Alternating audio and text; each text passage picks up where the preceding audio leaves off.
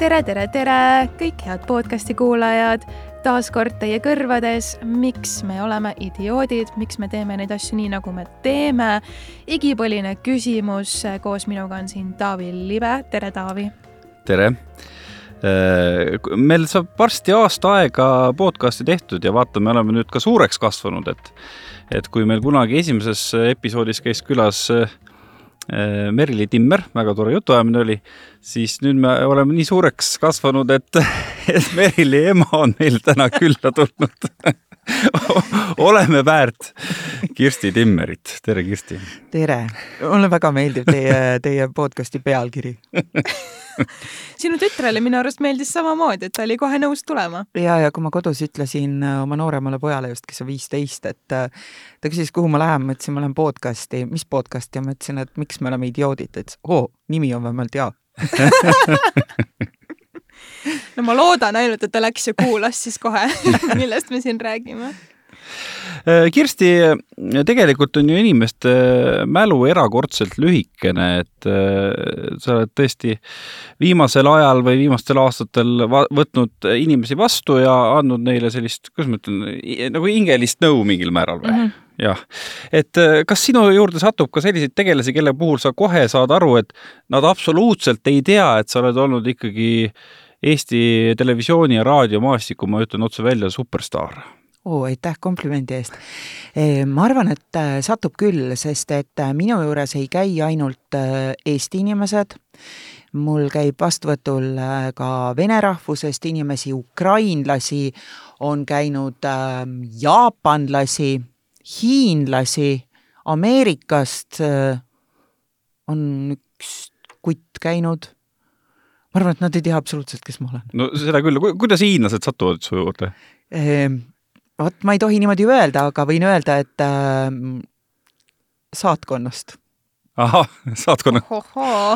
hiinlastega äh, ja jaapanlastega on olnud kõige lahedam see, et äh, mul on käinud jaapanlased, kes ei räägi ka inglise keelt. nii ja see, need on olnud minu, neid vist käis järjest mul kas kolm või neli. Need on olnud minu äh, kõige ägedamad vastuvõtud, sest et ähm, kõik sai räägitud käte ja jalgadega. et äh, kui jaapanlane, nad ainult tänavad sind mm -hmm. kogu aeg, eks ju. ja kui ta esitab küsimuse mi, mi, ai, ai, mi, mader, ai, ai, ai, ai, ai, ai, siis see tähendab seda, et ta ema on haige ja siis sa saad vastata kas äh, ju, ju, mader äh,, ohohohoo või oh bad, bad, bad, bad.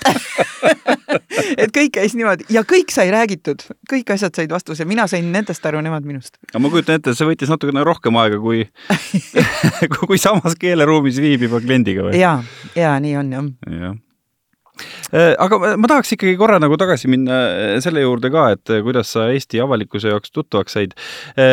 ma eelmisel aastal sattusin vaatama ühte vana saadet, kus sa käisid Jaagup Kreemil vist kodus lausa või? See on mingi termikasaated, sa vist päris palju see oli äh, termikasaade vist, sa mõtled seda üheksakümne viiendal aastal ja. tehtud mingit Terminaatori saadet? see oli kõige esimene saade, mida ma juhtisin. oli kõige esimene? jaa, kõige esimene. mul selline väike kahtlus oli, kas see võis mm -hmm. olla kõige esimene? see oli kõige esimene, jah kuidas sa sattusid telesse? telesse ma tegelikult sattusin siis, kui ma ei olnud veel gümnaasiumit lõpetanudki. ma lihtsalt ise tungisin sinna sisse ja ma olin režissööri assistent alguses, tähendab, kõigepealt üldse mulle anti katsetöö, ma tegin sakslastega filmi Eestist. just oli, äh, Eesti oli vabaks saanud ja meil olid, äh, nad väga imestasid äh, poodides, terve pood, suured letid ja seal olid ainult ekstra küpsised nagu kõik laotad mustritesse. ja sak-, äh, sakslased arvasid, et on ikka rikas firma, kujuta ette, saab võtta endale vanalinnas suure poe ja panna sinna ainult ühte sorti küpsiseid. ja siis ma seletasin, ei, lihtsalt mitte midagi muud ei ole. ja, ja siis ma olin režissööri assistent, äh, Toomas Kirsi assistent olin ja, ja töötasin koos Urmas Otiga ja siis sealt äh, kutsuti mind edasi juba meelelahutussaadetesse, muusikasaadetesse ja kui äh, ma tegin, tegelikult tahtsin teha režissöörina Termikas saate mm -hmm. ja otsisin äh, saatejuhti. ja siis ütles meie peatoimetaja mulle, et mitte keegi ei tea sellest bändist rohkem kui sina, nii et tee ise. ma olin hästi kahtlevalguses, et aga, aga Kirss ja Ott ikka push isid mind kõvasti, et tee, tee ja, ja siis, kui ma olin selle saate ära teinud, siis mulle öeldi, meie meelelahutussaadete toimetusest Eesti, Eesti Televisioonis, et et nüüd aitab, nüüd lähed noortesaadetesse, hakkad saateid juhtima ja nii see siis algas üheksakümmend viis. kuidas see üheksakümnendatel niimoodi oli, et et ma olen neid lugusid ju päris palju kuulnud, et, et minnakse telemajja kohale ja siis kohe nagu isegi võetakse vastu, et Anu Välba ja Kirk-Eert ja kõik samamoodi ju, läksid lihtsalt kohale, lõid ukse lahti, et tänapäeval nagu. ei, mina ei löönud midagi, mina valetasin, sealt ei lastud ju alt sisse ja ma ei, ma ei saanud ju kuidagi ja siis ma valetasin, et mul on kõik kokku lepitud ja ja see oli üks igavene pikk lugu, seda on ajakirjanduses hästi palju kirjutatud ka, aga aga ja siis ma sain sinna üles ja siis ma läksin lihtsalt, tungisin pearežissööri uksest sisse, lükkasin ta nurka ütlesin, et nii, ma sain suure vaevaga üles, ma ei lähe siit enne ära, et kui te olete mu tööle võtnud. vot, kas tänapäeval on noortel sellist nahaalsust ähm,? mul oli lihtsalt see ambitsioon, et ma teadsin, et äh, lapsest saati et ma ei tee mitte midagi muud, ma olen televiis-, televiisoris ja kõik ja mul ei olnud valikut, ma armastasin jumal siin seda telemaja juba väljast nii palju, et, äh, et ähm, see oli lihtsalt nagu must be no kas toona sa kuidagi nagu rääkisid ka sellest, et, et sul on mingisugused äh, erilised võimed ka vaka all või, või kuidas toona üldse nagu ühiskond sellesse oleks suhtunud, kui oleks järsku välja tulnud ETV-stes saated üks inimene, kes muuhulgas on ka nõid? Äh, eks äh, mingid inimesed, lähemad inimesed ikkagi teadsid jah. ja, ja nendele ma panin ju kaarte ka mm. -hmm. aga, aga üldiselt ma väga ei rääkinud, sest et äh, see, ma mäletan kuidagi lapsest saati seda, et vanaema ütles ka, et sellest ei tohi nagu palju rääkida.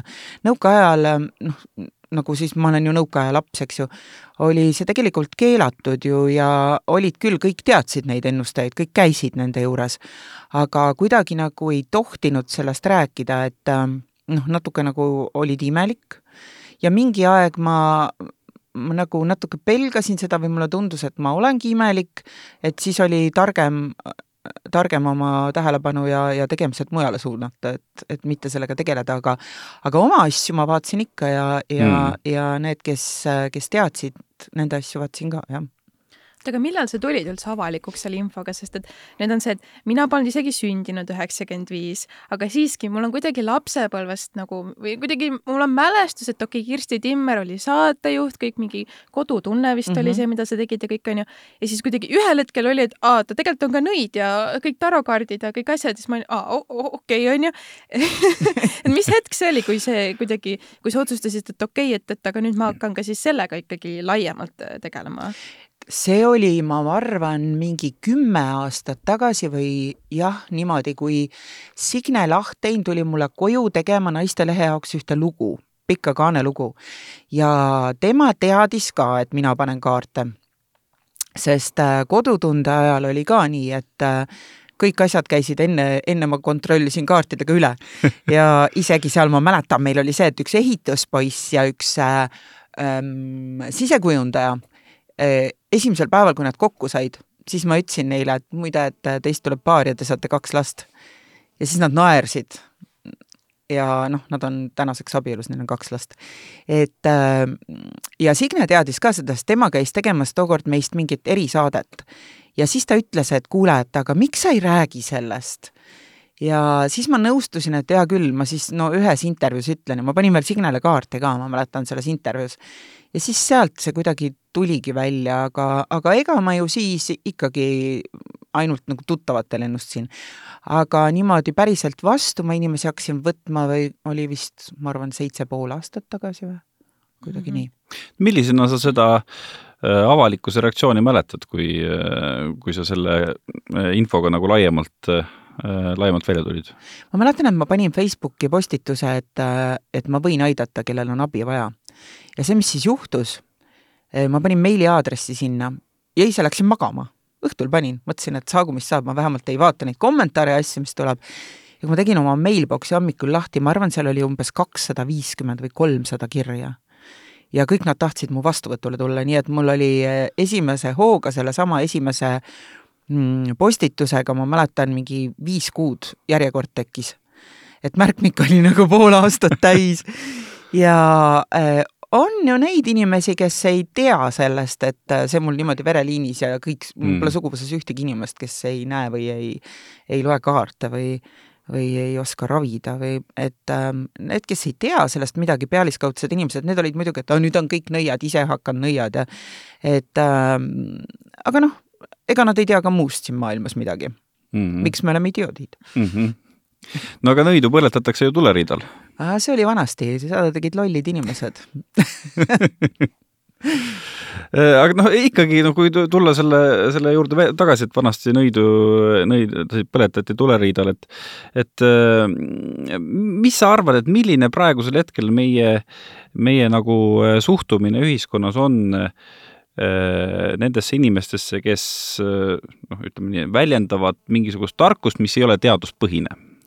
tead, ma arvan, et see jaotub kaheks et äh, need inimesed, kes on targad, mõtlevad ja haritud inimesed, saavad sellest väga hästi aru.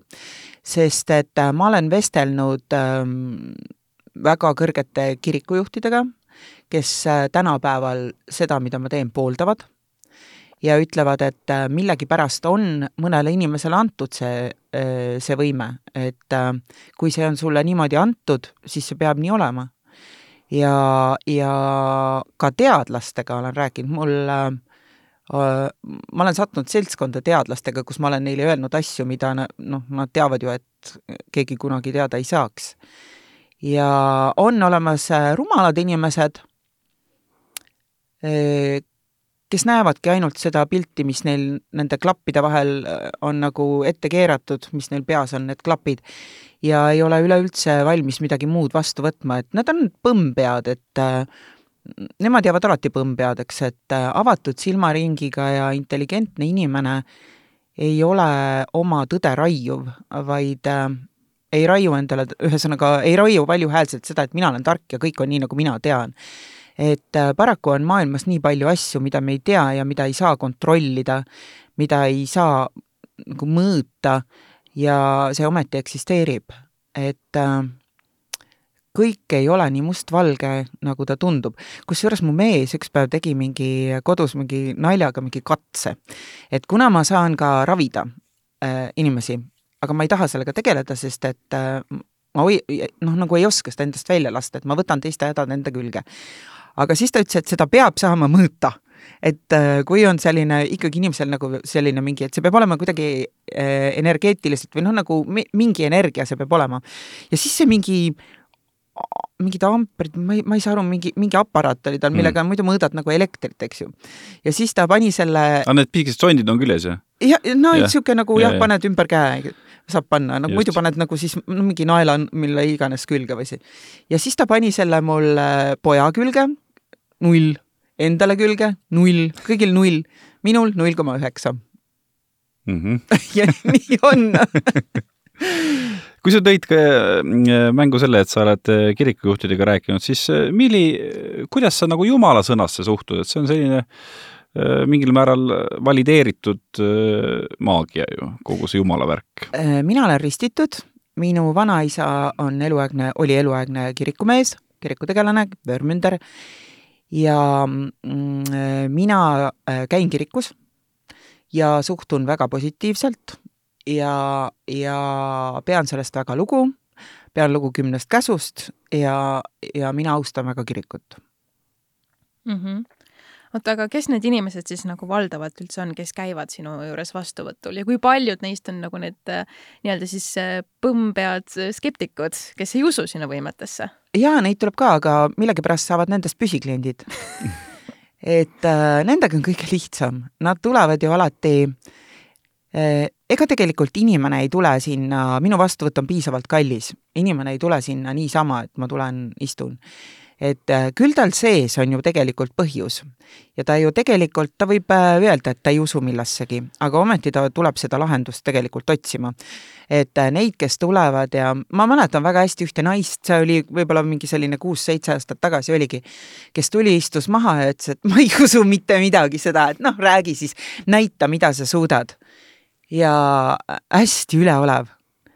ma võtsin kaardid ja küsisin ta käest, et et kas sul on nagu dilemma, et kas nööriga või tablettidega või?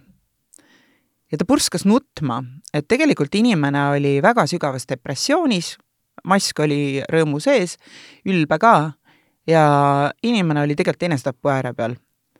ja see, et ma ta käest niimoodi küsisin, siis äh, noh, see ongi, sellistel inimestel ma tavaliselt tõmban lihtsalt vaiba alt ära, kukub pikali ja edasi on nagu lihtsam nendega. et ähm, aga neid käib vähe. Et inimesed ikkagi tegelikult tulevad oma, oma murega ja neid, kes käivad, seda ei saagi üldistada, see on vanus, ma ei võta alaealisi vastu, et ütleme siis selline kaheksateist on nagu miinimumpiir, et ähm, aga parem ikkagi, kui on juba vanem inimene, et äh, kaheksateist peaks ikkagi ise suutma veel otsustada, et tahan koolis käia või ei taha koolis käia. et ähm, aga kuni, ma arvan, mul võib-olla kõige vanem inimene on olnud kaheksakümne aastane mm. -hmm no kui sa näed tõesti, et inimesel on väga sügav depressioon, siis mis, mis edasi saab?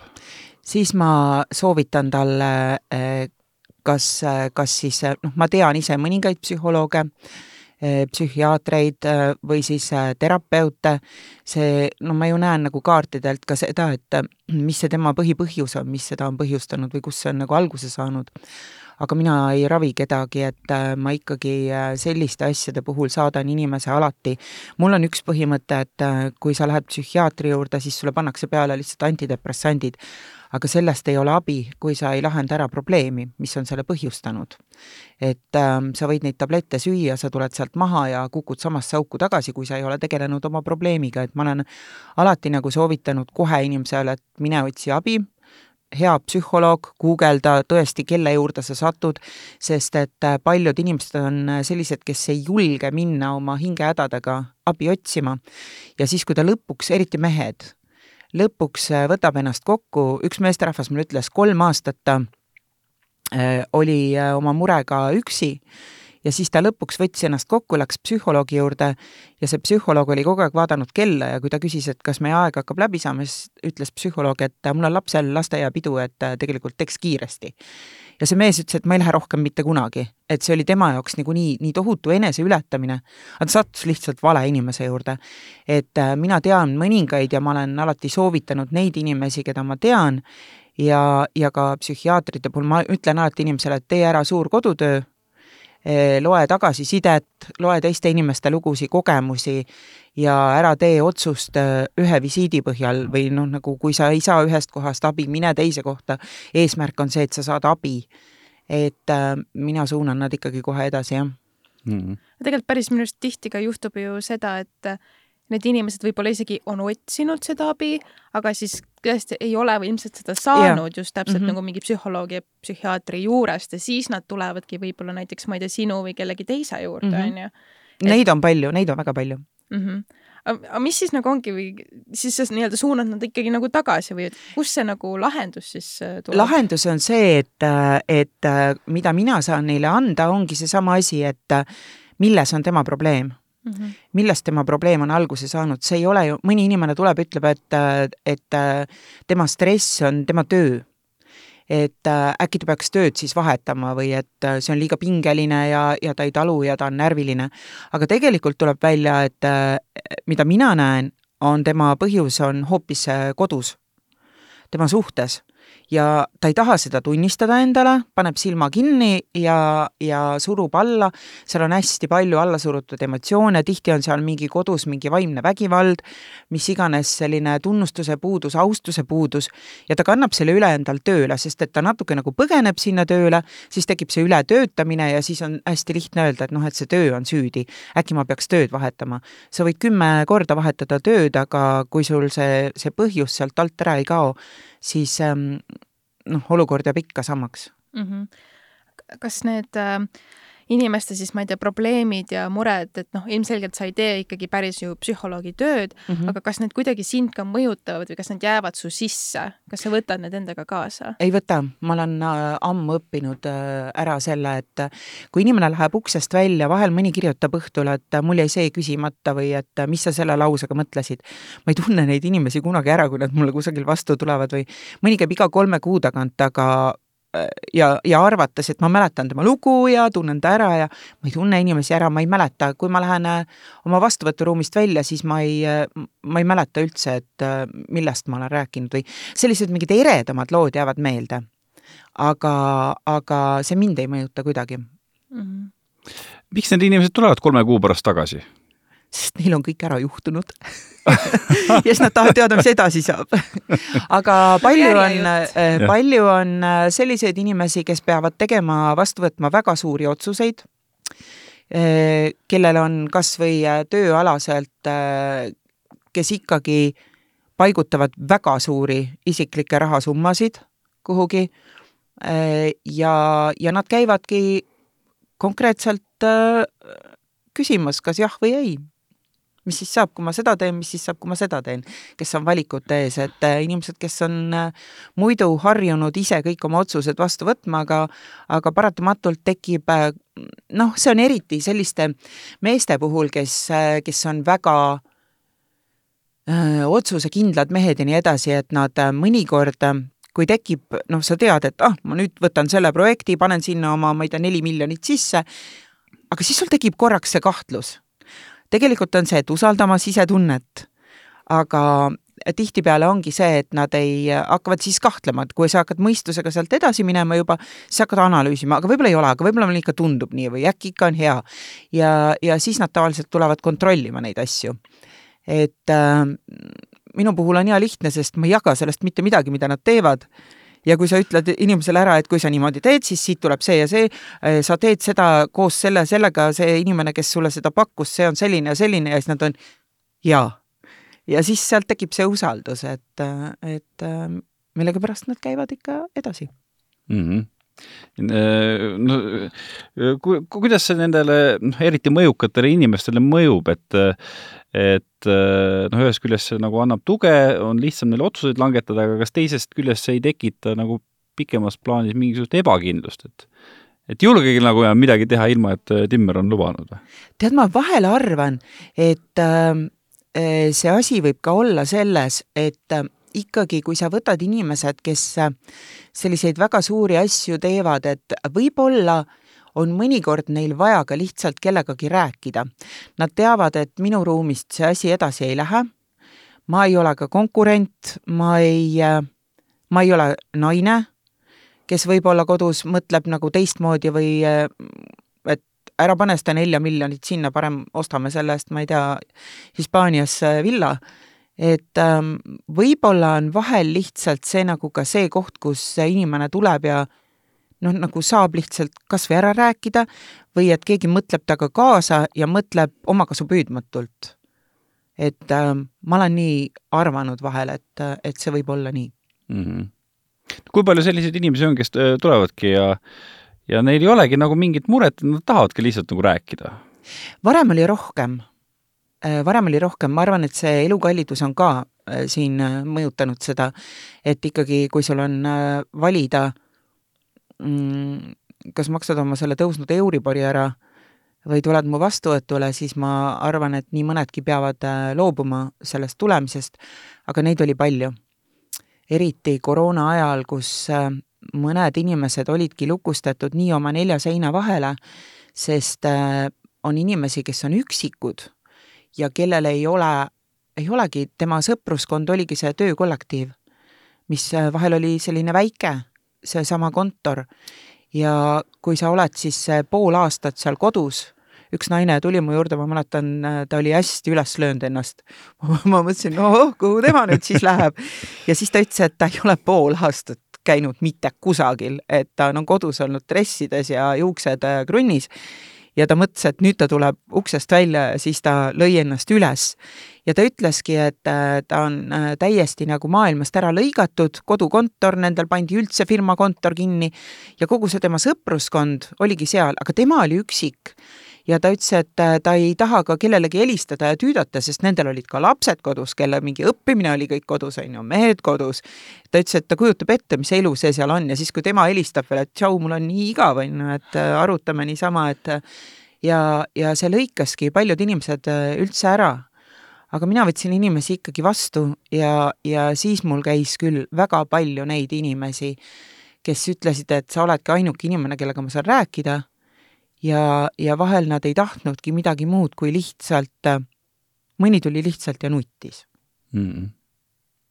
kui sa korra mainisid vaata seda, et ilmselt väga paljud inimesed on, noh, seisavad a la valiku ees, kas maksta tõusnud Euribor või tulla sinu juurde, et kuidas, kuidas sa praegu tunned, et see meeletu inflatsioon ja hindade tõus, et kas see on mõjutanud ka sinu vastuvõttude arvu või on sul endiselt nagu märkmik nii-öelda punane? ta on mõjutanud küll, jah. Ma arvan, ta on mõjutanud just mingit äh, noh, on inimesi, kellel äh, ei loe see Euribori tõus ka. aga mingit osa inimesi, ma arvan just selliseid, kes ikkagi käivad igapäevaselt palgatööl, on ta mõjutanud, et ma, noh, ma näen nagu, ma näen, kuidas ma ütlen, ma ju näen neid inimesi, äh, kes, mis millised inimesed on. et äh, jah, nagu need, kellel võib-olla on raskem toime tulla, neid on vähem mm. -hmm ma siis küsin, et kas sa oled vaadanud ka, millal siis inflatsioon taandub? Äh, ma näen, et äh, sügisest läheb kergemaks. ka sellised ettevõtjad, kes ei ole väga suurettevõtted, vaid on sellised suured ärid või noh, ütleme pereärid ja, ja noh, muidu nagu edukad kogu aeg olnud, kes praegu tulevad väga raskelt ots otsaga kokku, et üldse nulli tulla. et äh, mingist kasumist ei ole mõtet rääkida, siis äh, kuidagi kõigi, kõigil jookseb läbi üks joon, et sügisest läheb kergemaks, ju siis midagi meil muutub mm. -hmm. seda on tore kuulda mm. -hmm. no ma pidin küsima kui palju ikkagi on selliseid tegelasi, kes käivad su juures ära ja siis äh, on mingil põhjusel rahulolematud?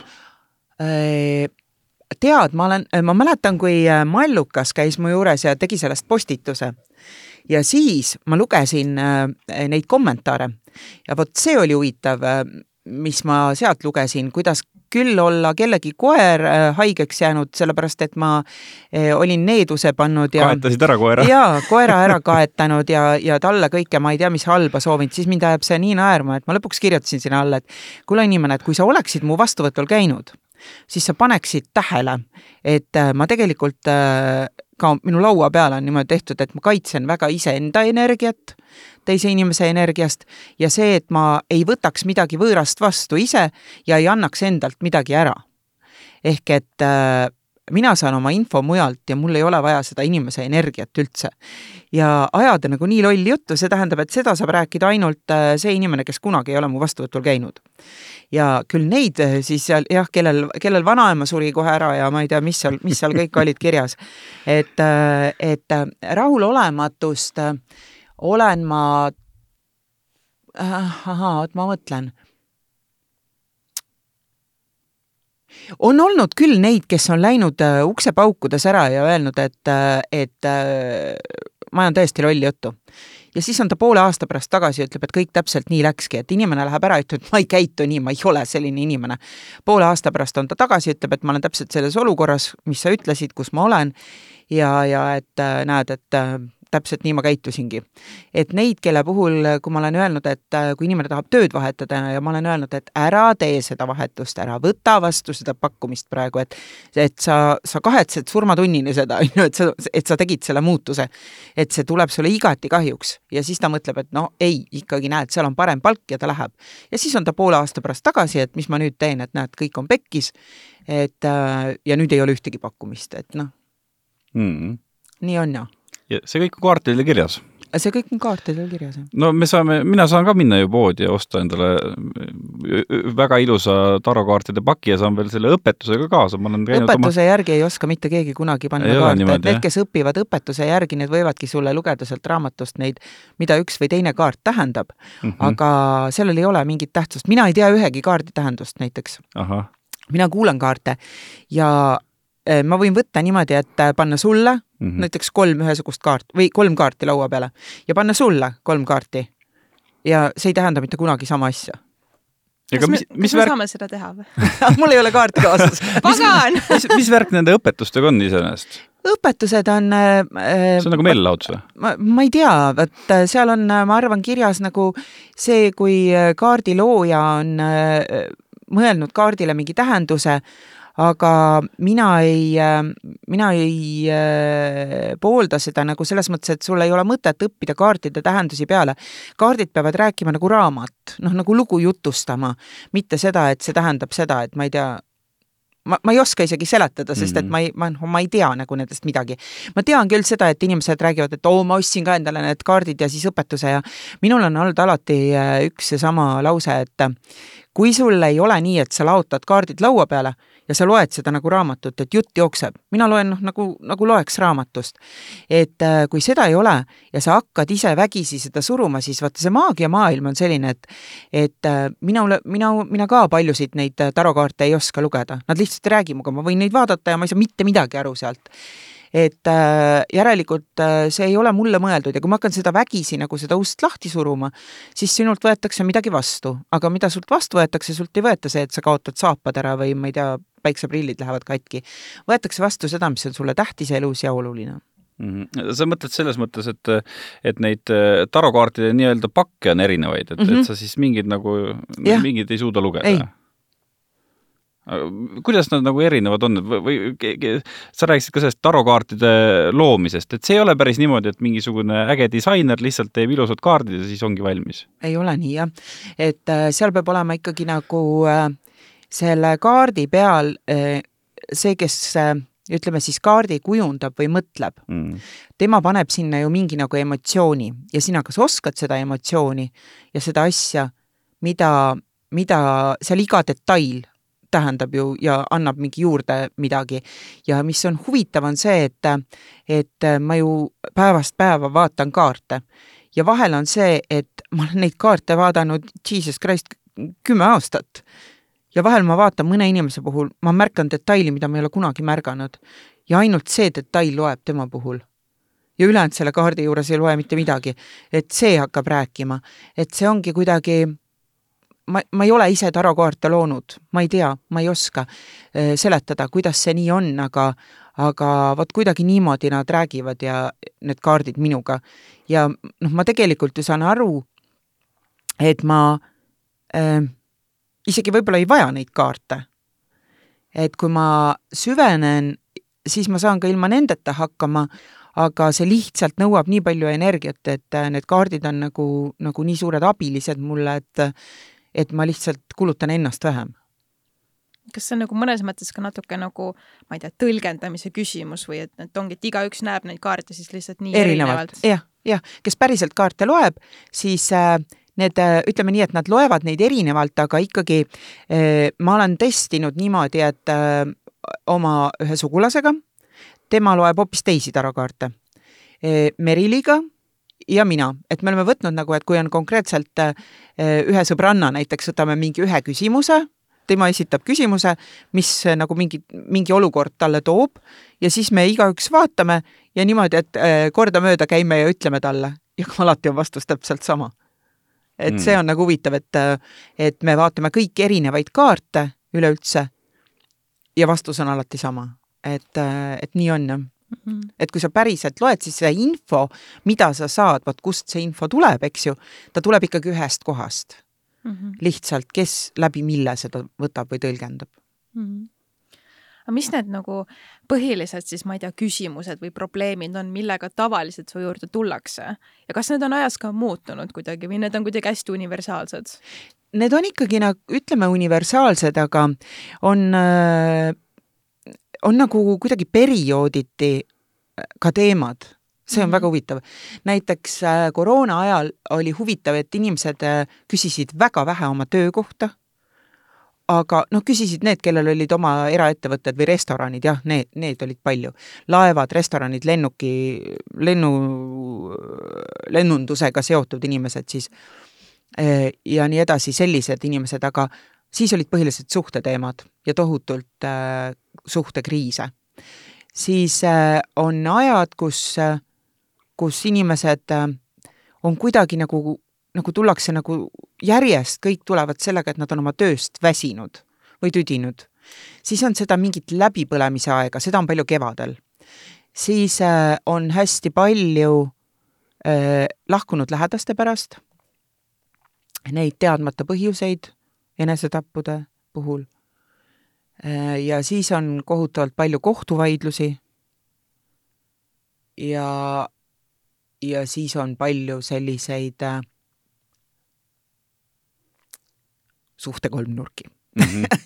oota, mis see kohtuvaidluste puhul siis, nad tahavad teada, et kuidas see lõpeb või mis jah, jaa, inimesed, kui on väsinud sellest, et kui sul on juba, ma ei tea, viis aastat äh, oled käinud seal kohtus ja kohutavalt kulutanud seda raha ja no need on need pärandivaidlused mm. ja, ja abieluvara äh, jagamised ja, ja ka, ja ka sellised äh, noh, teemad, millega saagi kokku puutud, tülikad mm -hmm. naabrid ja siis yeah. see, et sina ei tohi minu maa pealt käia ja nüüd on kõik, et äh, need naabritega tülid, et äh, neid on ka palju, et inimesed tihti tulevad ka otsima lahendust, et kuidas ma siis peaksin selles olukorras käituma või, või mis see oleks, mis tooks mingi lahenduse.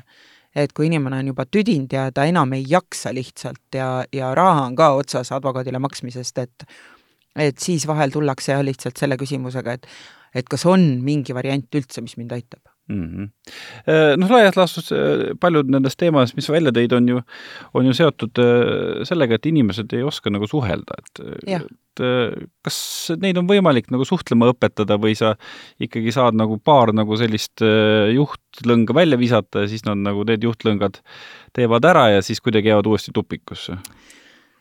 tead, ma vahel tunnen, et äh, meil peaks koolis olema üleüldse suhtlemisõpetus ja seda esimesest klassist peale, kui juba mitte lasteaias.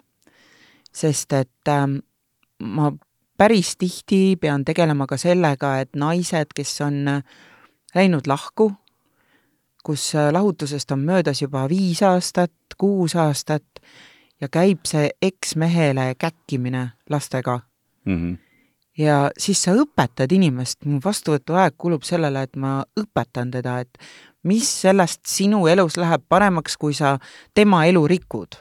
no kas sul on siis parem olla, on ju. et äh, ainuke, mida sa teed, sa rikud ju enda elu ja oma lapse elu, eks ju. et äh, sul on ainult üks eesmärk, saada nii hästi läbi oma ekskaasaga, et, äh, et su laps ei tunneks seda, et ta on millestki ilma jäänud, on ju. vastupidi, see sinu ekskaasa peab olema su väga hea sõber ja siis nad vaatavad mulle otsa nagu hullule. et, äh, et seda, seda viha ja kibestumist on paraku inimestel hästi palju ja, ja sellega toime tulla ja siis sa saadadki inimese psühholoogi juurde, et siin on sinu teemad. et mine lahenda oma teemad ära, ei ole see ekskaasa see tropp, on ju, sina oled see tropp. et äh, aga inimesed ei suuda selle peale mõelda, sest et äh, oma nina otsast tihti ei nähta kaugemale ja see on kõige olulisem, eks ju. ja, ja mõne inimese jaoks muutubki elus selleks sihiks siis selle teise inimese, kes on sind maha jätnud, tema hävitamine. et noh, see on see on väga õudne. ja seda kuulda, siis on selline tunne, et ma olen mõnele öelnud, et tead, ma tulen praegu püsti, on ju, ja annan sulle lihtsalt tohlaka. et sa oled nii loll aga kui ta mulle kirjutab mingi poole aasta pärast, et tead, ma olen endaga nüüd tööd teinud, mina ei mäleta seda lugu, aga tema kirjutab, ma olen endaga tööd teinud ja kas sa saad aru, mul ongi parem olla. Et äh, ma olen liikunud elus edasi, et jah, sul oligi õigus, ma olingi selles mehes kinni, muidu ütleb ei, ma vihkan teda. aga kui sa vihkad, siis sul on nii tugev emotsioon, viha on kõige tugevam emotsioon, on ju. see võib olla palju tugevam emotsioon kui armastus. see tähendab, sa oled veel rohkem tema küljes kinni, on ju, sest sa vihkad teda.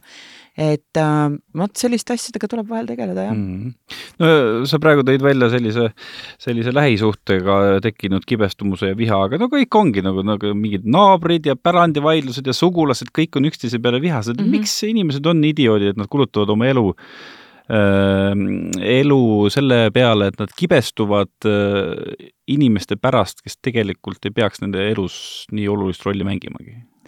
tead, seal on tegelikult äh, alati probleem on tegelikult selles inimeses endas.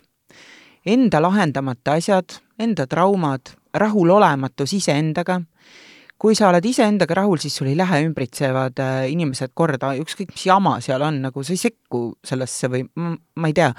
see on tähelepanu ärajuhtimine iseenda probleemide pealt. ehk et lihtsam on äh, vihata kedagi teist, lihtsam on sõimata kedagi teist, äh, rahulolev, enesega rahulolev inimene ei lähe kedagi sõimama esiteks üldse kui sa näed, et teine inimene teeb midagi valesti, siis sa lähed pigem nagu aitad teda või soovitad midagi talle või, või otsid talle abi või aga need inimesed, kes oma seda miks nad kibestuvad, ongi see, et äh, see on selline endaga toimetulematus. mina ütlen selle kohta noh, natuke nagu rumalus ja harimatus. et mitte hariduse mõttes, vaid selline harituse puudus. et äh, seda on ju nii palju, et kui sa vaatad ükskõik, ma ei tea, Facebookis või no ma siin sain vahepeal mingite EKRE meeste käest selliseid äh, kirju ja sõnumeid, et ma mõtlesin, et ma postitaks need kõik enda seinale, kirjutaks, paneks nende pildid ja nimed ka juurde, et kindlasti su vanemad on väga uhked su üle, et sa selline oled ja niimoodi räägid. et ähm, noh, tark inimene ei käitu niimoodi, sest mm. saab aru, et et äh, inimesed ei pea kõik ühtemoodi mõtlema ja nendel ei pea kõigil olema ühesugused vaated. ja ma ei mõista hukka inimest, kellel on teistsugused vaated Jesus Christ, kui inimene kummardab Allahit, on ju, siis mina ei kummarda Allahit, siis kas ma pean teda sellepärast vihkama või minema talle seletama, et Allahit ei ole olemas? ei, see on tema elu ja tema usk, on ju. ja, ja tema tee, mida pidi ta käib, et et ja, ja tema ei pea tulema mulle selgeks tegema nagu, mis on, mida mina arvan õigesti või valesti, aga aga paraku neid inimesi on, kes jah, kipuvad tulema öö, oma siis seda raevu nagu välja elama, et öö, tegelikult on nad psüühiliselt paigast ära, õnnetud, õnnetud enda eluga rahulolematud inimesed. Mm.. no ka seksi mingi... ka raudselt ei saa. Ma olen ka mingeid kommentaare äh, lugedes äh, nii Facebookis kui noh, rääkimata anonüümsetest kommentaaridest mõelnud, et et äh, et milline nagu mingisugune kibestumus peab sellel inimese ees olema, et, et et kuidas ta selle hetkeni jõuab, et ta nüüd sellise asja välja kirjutab ja mm, -hmm. ja, ja et kas tal on nüüd nagu pärast seda parem olla? jah, mina olen ka mõelnud, et mõnele ma olen vahel kirjutanud, et kas nüüd hakkas hea yeah.. kas on nüüd hea, et said endast selle välja öelda, on ju, kas on nüüd hea tunne, et päev on ilus, et pane üks purakas veel, et noh, et äh, hakkab parem. aga üks soovitus on, et mine osta kas või pornoajakirja, mine runka kodus, on ju. see on natuke nagu mõistlikum tegevus, kui see siin nagu oma pori pritsimine mm.. et noh. issand jumal. jah, no nii on kui, kui ähm, kui sa neid kaarte vaatad ja inimesele seda infot äh, annad, et kas sa oled äh, üdini aus, kas sa ütled kõik asjad välja, mida sa näed, isegi kui need on võib-olla negatiivsed või kuidagi võivad äh, sellele inimesele mõjuda negatiivselt, noh, a la mingi väga halb, ma ei tea, informatsioon või midagi, et kas sa ütled kõik välja või sa hoiad ka midagi nagu endale? Äh, tihti on inimesed, kes tulevad ja ütlevad, et ükskõik, mida sa näed, kui halb see ka on, ma olen valmis kõigeks, no seal on eriti need, kui teatakse, et on midagi oodata, siis ma ütlen küll, ma ei ütle ette surma. Äh, ma ei, no eks see on nagu näha, kui inimene, kui ma näen, et ta on psüühiliselt väga nõrgas äh, olukorras, siis ma päris kõike niimoodi, ma niimoodi otse ei ütle. ma ikkagi toetan teda, äh, soovitan talle mingeid asju, millest hoiduda. kui on mingid asjad, mis on nagu halvad, mida ma näen, et temaga võib juhtuda, näiteks äh, ma ütlen mõnele inimesele, et ära istu autorooli ma ei tea, vot ise sa ei tohi sõita siin, ma ei tea, kaks kuud sõidad taksoga, mine bussiga, millega iganes, aga sina ei tohi istuda autorooli, kui ma näen, et inimesel on mingi selline aeg, kus ta vahel nagu näedki, kuidas tal, tal ei ole tähelepanu, ta ei ole fokusseeritud ja ma näen, et selle tagajärg võib olla tema jaoks nagu väga halb ta saab seda ära hoida, sest on asjad, mida sa saad ära hoida, on asjad, mida ei saa ära hoida. mul tuli kunagi üks naine, ma mäletan, ta tahtis teise riiki tööle minna ja ta tuli selle töösuhte kohta küsima, et et noh, see oli veel see aeg, kus saadi tihti ka petta seal siis, et ei makstud rahasid teises riigis ja nii edasi. aga tema kaartidest tuli välja ainult see, et ma ütlesin, et issand, su poeg ei tohi sõita tsikliga ja ta ütles, et ta pojal oli eelmine nädal sünnipäev, ta sai kaheksateist ja nad kinkisid talle tsikli. see on jumala eest, et las see tsikkel seisab, las ta selle suve seisab ja siis sõitku palju tahab, aga ei tohi sõita. ja, ja ta ütles, et tal on selline poeg, et see usub ka ja õnneks ja, ja kuulab. et ja teda ei huvitanud enam ei tema töö ega midagi muud, et see oli nagu kõige olulisem informatsioon tema jaoks. ja, ja üldse, mis tema kaartidest tuli, et muu oli nagu okei okay kõik, et et aga aga jah, ütlen küll selliseid asju ka, et äh, mul tuleb ju küll ja küll naisi, et oi, ma sain tuttavaks, et nii tore mees ja ja näed, reisil kohtusin ja kõik nii tore ja siis, kui ma olen öelnud, et et see inimene on äh, psühhopaat, paari kuu pärast oled sa kapis luku taga, sa ei tohi väljas käia, sa ei tohi kellegagi suhelda ja lõpuks on see, et sa palud, kas sul oleks nagu nöör või siis äh, päästerõngas. et äh, kus, kus ma ütlengi inimesele, et run, forest run ja ploki ära. et äh, jah, mõni ignob ja siis on, nagu ma olen öelnud, poole aasta pärast tagasi, et mis mm. ma nüüd teen, et politseis on avaldus ja kõik muud asjad ka, et aga ma ju ütlesin no ma kujutan ette küll, et sellises õrnas olukorras, kus on sellised tunded tekkinud, siis võib ikka väga, väga valus olla seda kuulda. jah, jah ja, ja noh, kõige hullemaid on ka neid, kes on äh, naised siis hoopis teisest kultuuriruumist meestega suhteid loonud ja kus on ka need lood, kus on lapsed ära varastatud ja, ja polegi aastaid oma last näinud mm. -hmm no mis värk sellega on, et üleüldse eestlased, äh, nii naised kui mehed, on nii tohutult kergeusklikud, mulle tuleb ikka meelde see lugu, kuidas äh, ühel väga, väga toredal äh, Tori naisterahval olid kohvrid pakitud ja ta oligi seal ukse ees ja ootas, et Tom Hiddlestoni eralennuk tuleb. jah, tead, ma võin öelda, et mul oli vahepeal periood, kus mulle tundus, et see ongi ainuke teema, millega ma tegelema pean, sest neid naisi käis mu juures nii palju. Neid, kes olid oma korterid maha müünud, majad maha müünud, saatnudki need rahad kõik ära ja kes uskusid siiralt. üks naine ütles mulle, kuidas see, see Ameerika miljonär, et äh, ta peab nüüd veel viimase raha saatma.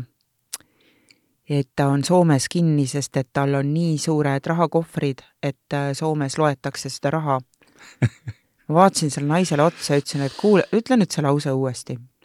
et kas sa arvad, et tänapäeval tuleb keegi siis äh, suurte, reisib lennukiga ja tema pagas on siis suured rahakohvrid, et seal on kõik sularaha või? et mitte, et see ei ole tal pangas ja siis see, see krediitkaart siin taskus. et äh, kus, kuidas miljonärid äh, käivad, et nad käivad kaks kätt taskus, sest et selle kuldse kaardiga ta igal pool ainult nagu piiksutab ja ta ei pea midagi rohkem tegema ja siis ta sai aru, ta oli enne minu juurde tulekut ka selle viimase raha ära kandnud mm. -hmm. ja siis tuli välja, et äh, ta oli seisus, kus tal ei olnudki, tal ei olnud raha, tal ei olnud kuhugi minna.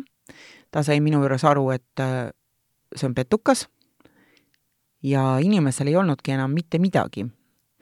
ja neid selliseid lugusid oli vahepeal lihtsalt äh, nii palju ja vaatad otsa, täiesti mõistlik inimene ju ja näed, ei ole.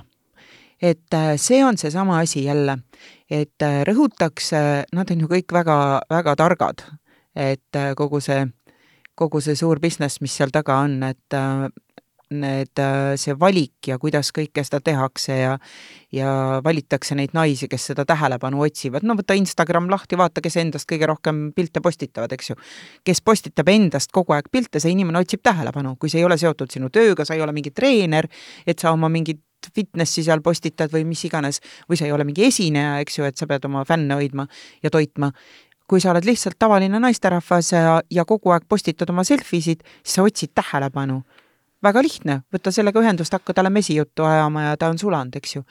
vanemad prouad, ainult äh, pööra tähelepanu üksik naisterahvas, kui ta on veel mingi kassi või koeraga, et äh, nad on, nad on nii äh, lihtne saak, et need üksikud, üksikud naised ja paraku tihti ei ole nad ka üksikud, vaid nad on suhtes, aga see suhe on kas selline ära vajunud, laiali minev äh, või ongi kuidagi nii, et elatakse nagu sõbrad koos ja siis pöörab keegi tähelepanu. et ähm, mul käi-, käivad ju need naised, vahel neil on need pildid kaasas, noh, needsamad ühed samad pildid, eks ju, mis mm -hmm. nende asjade kirjade juures on. ma saan ka neid kutseid kogu aeg, et üks ja sama hallipäine kena härra, härrasmees, aga tal on viis erinevat nime. ja siis äh,, siis on see pilt kaasas ja noh, see on nüüd nagu inetult öeldud. aga tuleb siis äh, selline see, see ei ole halvustav jumala eest, et kui keegi kuuleb, tuleb selline maamutt, kellel on välja veninud dressipüksid jalas, kes ei ole käinud kümme aastat juuksuris, tal on ka mõni hammas puudu, nii edasi. ja tuleb siis selle kena doktorihärra, nad on ju kõik doktorid või siis need merejalaväelased või nii edasi, selle pildiga ja tal on siis see suur armastus, ta on siis oma kõik kogutud säästud sinna saatnud ära ja ütleb, et näed, vaata, et kas ma siis kolin ära. Tead, siis ma olen vahel teinud seda, et öelnud, et vaata nüüd ise seda pilti ja vaata peeglisse ja esita küsimus, miks see rikas, nagu ta siin kirjutab, Ameerika doktor, selline kena välimusega treenitud kehaga, eh, ei leia seal siis endale nagu mitte kedagi, vaid ta otsib üles sinu ilma hammasteta muti. et va-, mõtle nüüd natuke loogiliselt. ja siis see inimene saab aru ja ta ei tule selle peale enne, noh mm. -hmm. see on, sa pead kuidagi nagu karmilt vahel selliseid inimesi raputama, sest et äh, vastasel juhul ta läheb ära ja ütleb, et ma olen lihtsalt kade, et noh, mulle meeldis endale see tema doktorihärra mm. -hmm. no aga ega siin ei ole ju küsimus selles, et, et kõik need inimesed nii lihtsameelsed on, see on ikkagi mingisugune tohutu nagu üksilduse vohamine meie ühiskonnas. see on üksilduse vohamine, et äh, meil on nii palju üksikuid inimesi, äh, neid üksikuid naisi ja naine armastab ju kõrvadega. räägi talle mida iganes ja ta ju usub, eks ju. et kui ta ei ole seda tähelepanu saanud ja, ja järsku pöörab keegi sulle tähelepanu, ütleb sulle ilusaid sõnu, ütleb, et sa oled ilus, äh, tahab sind, et ähm, noh see on, see on nii psühholoogiline ja, ja see on samas nii mõistetav ja neid naisi, kes on millegipärast nagu selle oma eneseusu kaotanud või, või kes on kas või ütleme, sellised üksikemad, eks ju, et sa peadki rügama seitsme koha peal, et seda kõike üksi ülal pidada ja sul ei ole kusagilt seda toetust saada ja sul ongi see töö ja kodu, töö ja kodu ja ja lapse, lapse teemad ainsad. Ja siis järsku pöörab keegi sulle tähelepanu, no muidugi, no kes see siis ei taha uskuda, et ta tegelikult ongi seda väärt ja seda armastust ja kõike ja see on nii kurb, et äh, et seda niimoodi ära kasutatakse ja niimoodi liiga tehakse, et, et ähm, no vot, see on siin see seesama, ma arvan, probleem, et eks need naised käiksid ju ka kusagil väljas ja saaksid kindlasti tähelepanu, sest et paljud neist on ju nii kenad ja ilusad ja hoolitsetud naised ja kõik, aga neil lihtsalt ei olegi seda aega, et kuhugi minna või et üleüldse kellegi tähelepanu saada ja ja samas, kui nad ka lähevad sinna Tinderisse, siis sealt otsitakse seksi, on ju, ja see on kõik, et aga naised otsivad armastust ja neid tundeid ja need äh, petised seda neile pakkuda, pakuvad mm. -hmm Eesti mees ei hakka kirjutama seda, et, et äh, ma jumaldan sind nagu, kui me võtame türklased, eks ju mm, -hmm. et äh, ja seesama asi, et Eesti naine ei olegi harjunud sellega, et, et äh, sellised lõunamaa mehed ja temperamentsed mehed kogu aeg ütlevadki, seal käibki see dear on nagu iga teine sõna, et see on lihtsalt pöördumine ju inimese poole, on ju. aga nemad arvavad, et näed, ma olen kallis, sellepärast et võib-olla ta on elanud koos mehega, kes pole talle kunagi nii öelnud et äh, no vot. jah, korra ju mees ütles jah, et palju, palju ja, seda kordama peab, ma ei ole, ei ole ümber mõelnud. ei ole ümber mõelnud ja küll ma ütlen, kui midagi muutub. just või siis olen lihtsalt läinud.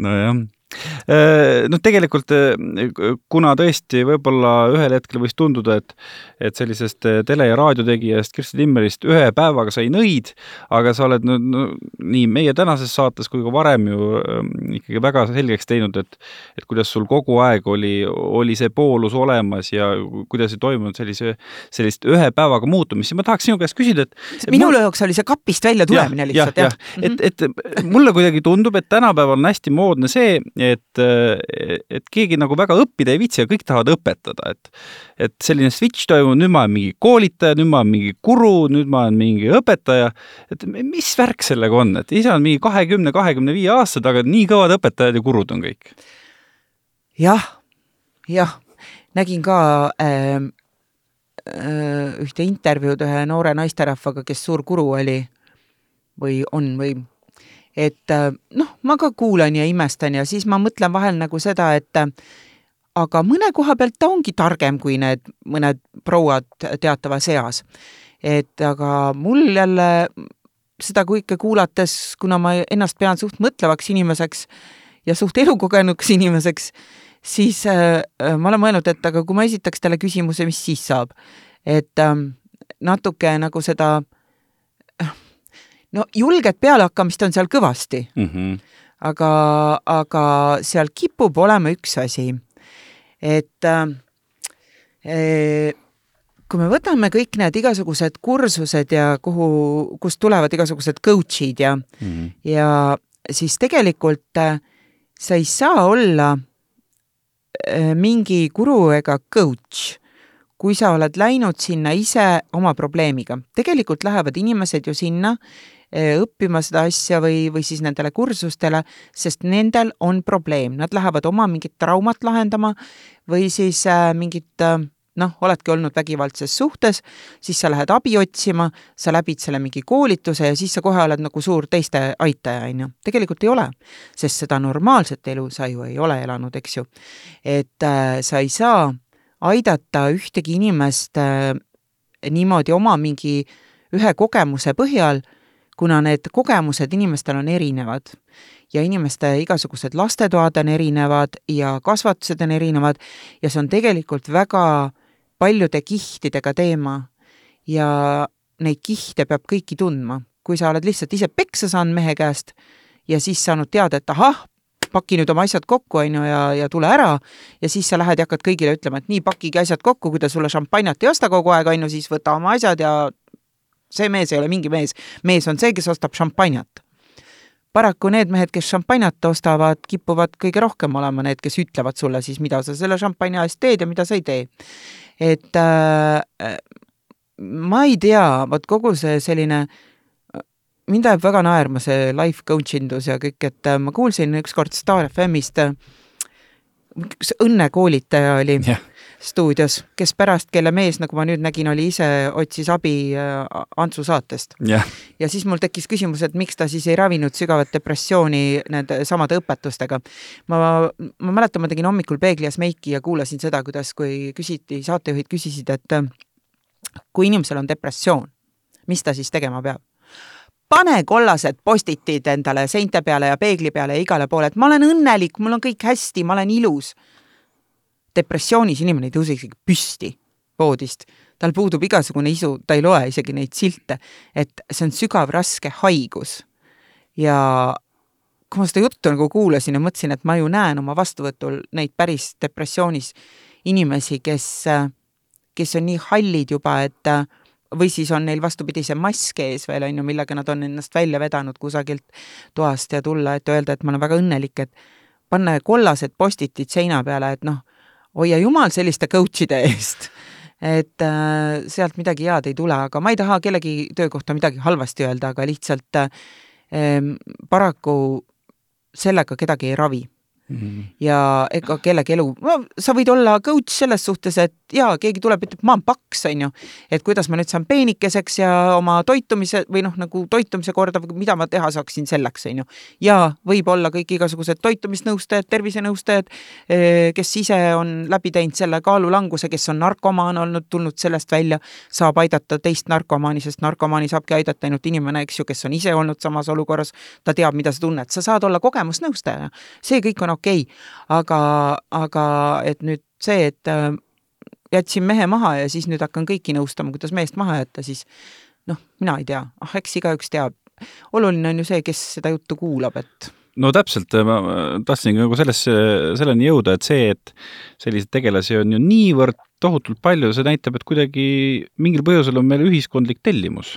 ja, ja sest et äh, neid, kes, äh, kui sa võtad äh, mingi põlvkonna praegu, siis kellel vanemad kodus ei olegi omanud seda aega, et oma lastega suhelda või neile midagi rääkida või kui on ka sellised tagasihoidlikumad äh, lapsed võib-olla või ei ole selliseid sõbrannasid või sõbrannade vanemaid või ka poisslapsed, eks ju, isa polegi midagi õpetanud, noh, poisid võib-olla nagu ei kuulagi sellist juttu või ei lähe sinna kuulama neid tarkusi ja ei loe ka neid raamatuid, aga, aga naised just, et kui sul puudubki see elementaarne mingi baas, mingi äh, kuidas üldse suhteid luua või sa oled nii tagasihoidlik, et sa ei julgegi, siis sa lähedki sinna ja loodad, et sa saad sealt abi, kusagil on igast vestlusõhtud ja ja sellised koolitused ja sa arvad, et sa käid seal ära ja siis sa oled ka murdjatiiger. et, et sa saad seal targemaks. paraku iga see tarkus ei tule sulle mitte kasuks. et meil on lihtsalt kooli programmist puudu, seesama asi.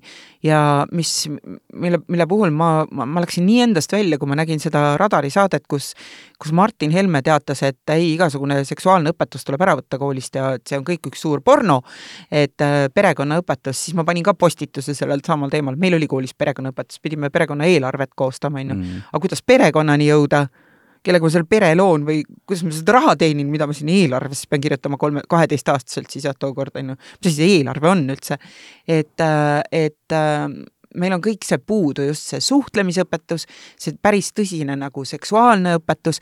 kui ma oma poiste koolis olin ja eh, kooli siis, mis see siis on nagu see koosolek seal, see lastevanemate koosolek või? ei, mitte lastevanemate koosolek, aga see hoolekogu. nii, nii., ja siis seal oli ka õpilasesinduse esindaja ja ma küsisin, et, et no keda te tahaksite kooli nagu esinema? ja mis tuli välja, Epp Kärsinit. ja kui ma küsisin, aga miks? noh, näiteks, et, et põhjendus nagu miks, ta ütles, et sest ta julgeb rääkida nendest asjadest ja ausalt ja ma küsisin, et aga kas te julgeksite küsida ka? ja siis ta ütles, et tead, tänapäeva lapsed ei karda küsida, et aga me tahaks, et keegi lihtsalt ausalt räägiks meile nii, nagu on need asjad. ja tema pakkus välja, et kuuendast klassist nagu juba nagu oleks täiesti okei okay, see auditoorium, kes oleksid siis äh, äh, kohustuslikus korras lausa seal EPPU koolitusel. et lihtsalt seksuaaltervise, seksuaalkäitumise koolitusel ja minu arust see on väga okei okay., et äh, sama võiks olla ka niisugune suhtlemiskoolitus ja ka karjäärikoolitus mm ma arvan, et see on tegelikult väga õige mõte. sa mõtlesid seda laseri saadet, on ju? jaa ja. ah,, vabandust, jah, mis ma ütlesin radar. ah, radar. kunagi oli mingi siuke. seda tõi ka Mariin, et. jaa, no vot sama asi, on ju. aga kuidas sa sellesse suhtud, et äh, minu arust väga tihti vaat just ähm, kõik need sellised äh, ise hakanud, ise õppinud tegelased äh,, neile väga meeldib väita ka, et äh, mingid probleemid siis, mis on sinu elus, on umbes äh, sinu vanemate tõttu või ma ei tea, sinu vanavanemate või et, et need probleemid, mis on praegu sinuga noh, aktuaalses päevas, on hoopiski kellegi teise süü või kellegi teise tegu. et kuidas sa sellesse suhtud? see on konstellatsiooni teema ja ma olen kaks aastat õppinud konstellatsiooni ja konstellatsiooni koolis ja ma ei nõustu sellega. et äh, see, kui äh, mm, sina satud vägivaldsetesse suhetesse, siis äh, selles ei ole süüdi su vana-vanaema, kes tegi abordi. et äh, mina sellega ei nõustu, sest et äh, mm, see igasugune karma ja asjade edasikandmine, kui oli, kui öeldi vaata, et lõppes Maiade kalender et äh, siis kõik ju karjusid, et nüüd tuleb maailma lõpp ja ongi maailma lõpp. tegelikult oli see nagu ajastu lõpp, kus, äh, kus oli see, et kui sina tegid pattu, siis seitse põlve äh, said nuhelda, eks ju. ise pääsesid puhtalt, mina siin keeran aga käkki kokku ja las need seitse põlve siis maksavad, eks. et ei ole. see tähendas seda äh, ka, et äh, kuidagi maailm hakkas käima kiiremini. ma olen sellest palju rääkinud ka astroloogidega. et äh, mis tähendab seda, et karma toimib praegu väga kiirelt, keerad mingi jama kokku, sa saad selle laksu täpselt sama ise varsti tagasi. et mina ei nõustu sellega ja, ja see mulle ei sobinudki. et äh, ei ole nii, et kui äh,, kui äh, sina ei saa lapsi, siis selles on süüdi su vana-vanaema ei ole. et äh, selles, äh, mis on küll nagu jaa, su vanemad või vanavanemad võivad olla süüdi, aga see on kasvatuse teema, suhtumise ja sõnamise teema. ma olen näinud äh, ja õnneks saanud väga palju tagasisidet, kus inimesed, kes ei saanud lapsi, on peale minu juures käimist saanud lapse ja seda lihtsal põhjusel, et kui arstid on öelnud naisele, et kõik on korras, mehel on kõik korras omavahel peaks kõik korras olema, inimesed on käinud geeniteste tegemas, asju kõik, et äkki on midagi geneetiliselt, et miks nad ei saa lapsi. kõik maailma asjad tehtud, kõik on korras, arstid ütlevad, nad ei saa aru, miks, aga naine ei jää rasedaks ja noh, konkreetne üks näide, põhjus oli seal tegelikult see, mida mina näen, et äh, kahe kõrva vahel ja ma ütlesin, mis su ema sulle ütles, kui sa olid väike ja pidid oma õde hoidma? ja ta ei mäletanud. ja hakkasin siis seda lugu vaatama ja mis tuli välja, ta jäeti oma õde hoidma väiksena ja tema oli vanem, õde oli väiksem. Va, pandi vastutus lapsele teise lapse eest, kuidas saab vastutada laps teise lapse eest, ta on ise laps, eks ju. ja see, see väike õde kukkus. Ja siis tal tuli meelde küll, see viidi kiirabiga ära. Ja ema äh, süüdistas selles siis teda ja ütles, et sinust ei saa mitte kunagi mingit ema et vaata, sa pidid vaatama teda, on ju, ja vaata, mis sai. ja tema fikseeris selle nagu oma alateadvuses nii ära, et inimene elas tegelikult selle süütundega kogu aeg, et ta ei saa vastutada kellegi eest, sest et noh, temast ei saa mingit ema, on ju, tema pärast. seesama tunne, ta ütles, et seesama tunne tal on küll kogu aeg sees olnud, et näe, õega juhtus nii minu pärast. ja seesama oligi see peal, mis tal psühholoogiliselt ei lasknud rasedaks jääda. ja kui ma seletasin talle ära, et saad sa aru, siis oli su ema süü, tema jättis vastutada nagu sinu vastutada, sina ei pidanud vastutama. ja õpetasin talle rituaali, millega ta ennast nagu vabastas sellest süüst. ja ma ütlesin, et mine ütle emale see välja ka, et äh, võtku tagasi oma, see on tema süü, mis tookord juhtus ja siis ma sain äh, poole aasta pärast talt äh, selle kirja, et ta on beebiootel ja siis, kui äh, see beebi oli pooleaastane, niimoodi täpselt ta mulle niisuguste vahedega saatis, ta kirjutas, näe, vaata, see on sinu poiss. oli väike poiss, väga tore. et jah et äh, need on, need on nagu need asjad, mida, milles saab süüdistada vanemaid ja vana, vanavanemaid. no kas või nagu need asjad, väga palju on see, et naistel, kellel ei teki suhteid, on olnud see, et äh, on äh, tugev naisliin ja seal on rõhutatud, et sina pead ise kõigega hakkama saama, need mehed, need on ludrid.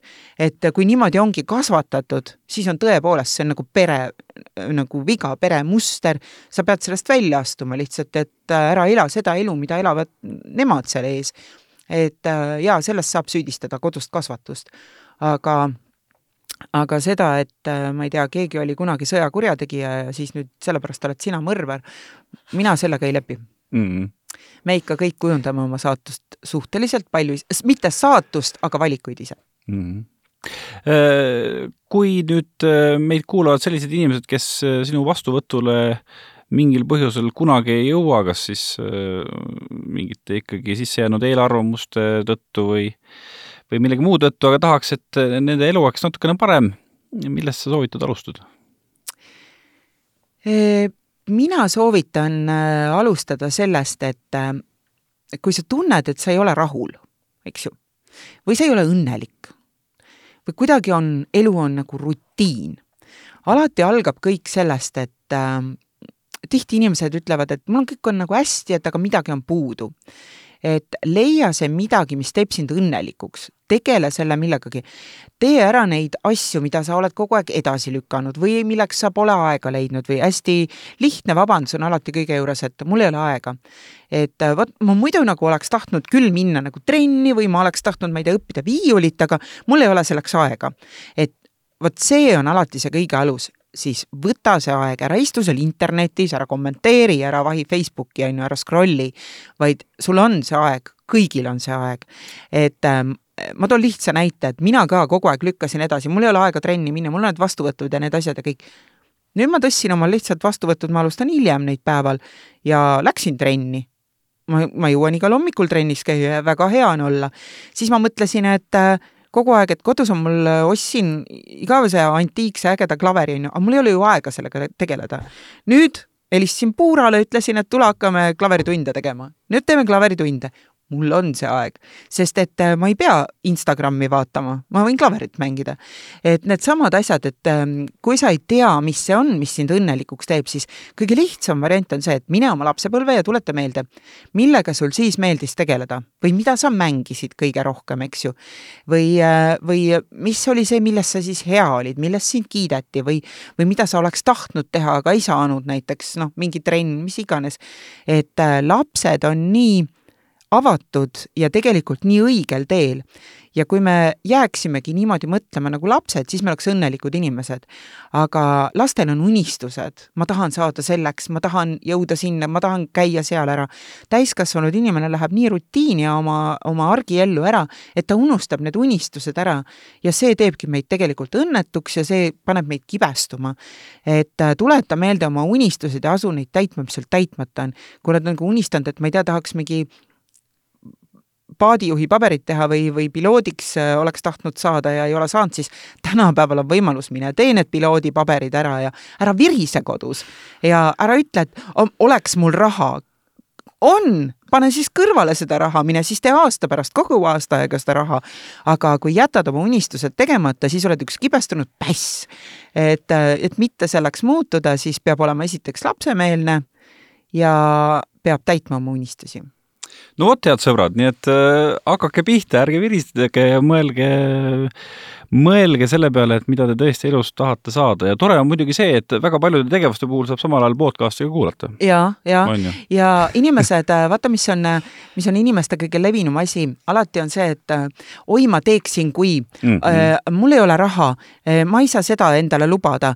tegelikult ei ole olemas sõna ei, inimene saab absoluutselt kõigega hakkama, kui ta tahab. Täpselt nii nagu ütles Nike, just do it. ja just do it, just suur-suur aitäh sulle, Kirsti, et sa tulid, meiega rääkisid. minu arust oli väga tore ja väga meeleolukas jutuajamine ja kindlasti ka väga inspireeriv. Aitäh! Mm -hmm. suur aitäh, Kirsti, sulle ja aitäh teile, kuulajad. me kohtume juba järgmisel nädalal. jaa, absoluutselt. tšauki